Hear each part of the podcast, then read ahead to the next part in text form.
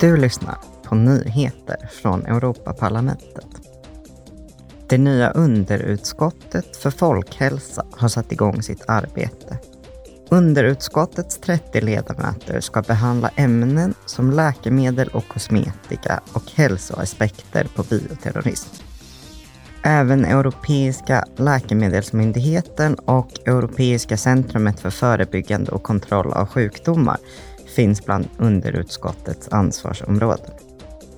Utskottet för miljö, folkhälsa och livsmedelssäkerhet behåller ansvaret för behandling av lagstiftningsförslag och omröstningar. Kommissionens förslag till förordning om sanitära och fytosanitära åtgärder ska imorgon presenteras för utskottet för miljö, folkhälsa och livsmedelssäkerhet och utskottet för jordbruk och landsbygdens utveckling. Syftet är att göra det lättare att föra in husdjur och vissa detaljhandelsvaror i Nordirland från Storbritannien.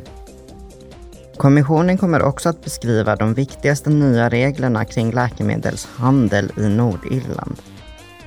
Båda förslagen bygger på den så kallade Windsor-ramen som kommissionen och Storbritannien enades om den 27 februari i år.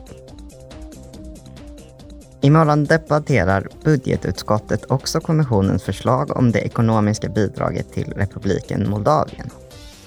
Målet med förslaget är att öka det pågående makroekonomiska stödet till Moldavien med 145 miljoner euro för att täcka delar av landets externa finansieringsbehov under 2023, men också för att främja reformer och makroekonomisk stabilitet.